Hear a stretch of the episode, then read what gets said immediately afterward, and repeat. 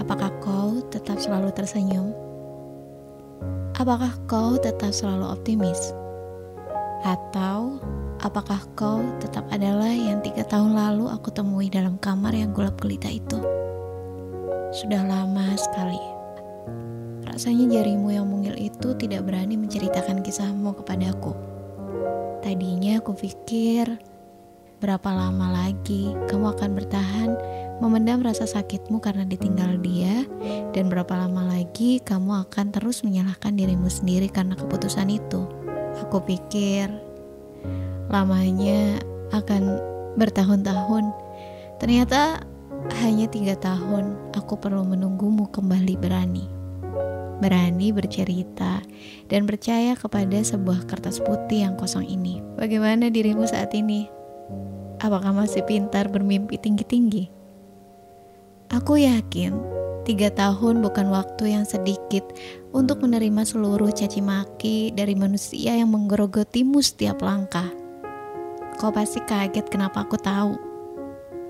Diam-diam, aku suka melihatmu dari jauh sedang terlihat duduk sendiri di bangku taman.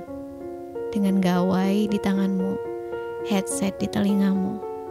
Aku yakin kamu sedang berusaha untuk tenang dan pura-pura aneh tapi ku beritahu ya, kamu gak akan pernah bisa membohongi diriku ini. Aku tahu kamu berusaha tidak menyalahkan dirimu sendiri karena kamu sudah berusaha semaksimalmu. Kamu ingin melawan ejekan dari orang-orang yang tidak percaya mimpimu, bukan?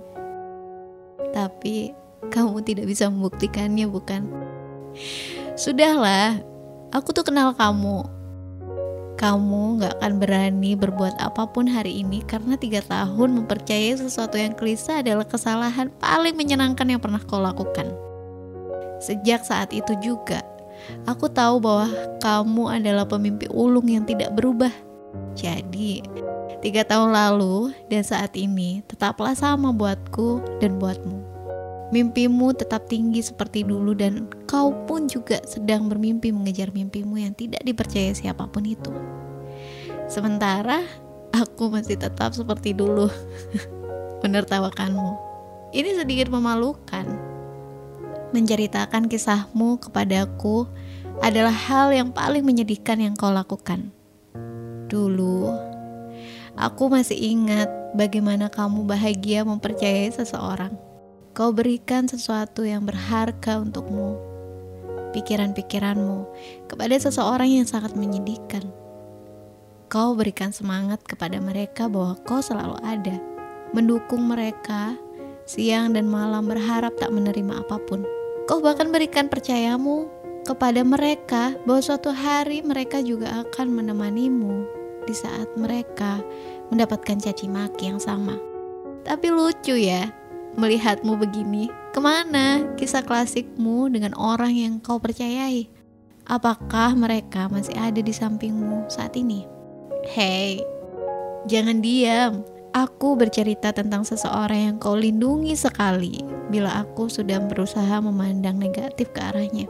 Kau bilang mereka tidak begitu dan mereka adalah seseorang yang berbeda dari kebanyakan. Gimana kabar mereka? Melihatmu saat ini menunduk membaca dan menulis ceritamu seorang diri. Aku juga bisa menebak bahwa mereka sudah berbeda Aku tidak tahu apa rasanya untuk percaya telah hancur kepada orang-orang seperti mereka. Tapi sepertinya kau jauh lebih pemurung ya, karena kau tidak bisa percaya pada siapa pun sekarang. Pantas kau datang kepadaku setelah sekian lama. Pantas kau jadi lebih pendiam. Malam ini aku hargai seluruh keputusanmu menangisi perjalanan panjangmu yang murahan bersama mimpimu yang kosong itu. Aku hargai seluruh air matamu yang membasahi kertas ini karena kau telah jujur kepadaku bahwa kau tak lagi bisa menahan semuanya. Aku ingin duduk di sampingmu, mendampingimu yang telah cengeng dan berteriak ramai mengumpat duniamu yang sungguh palsu.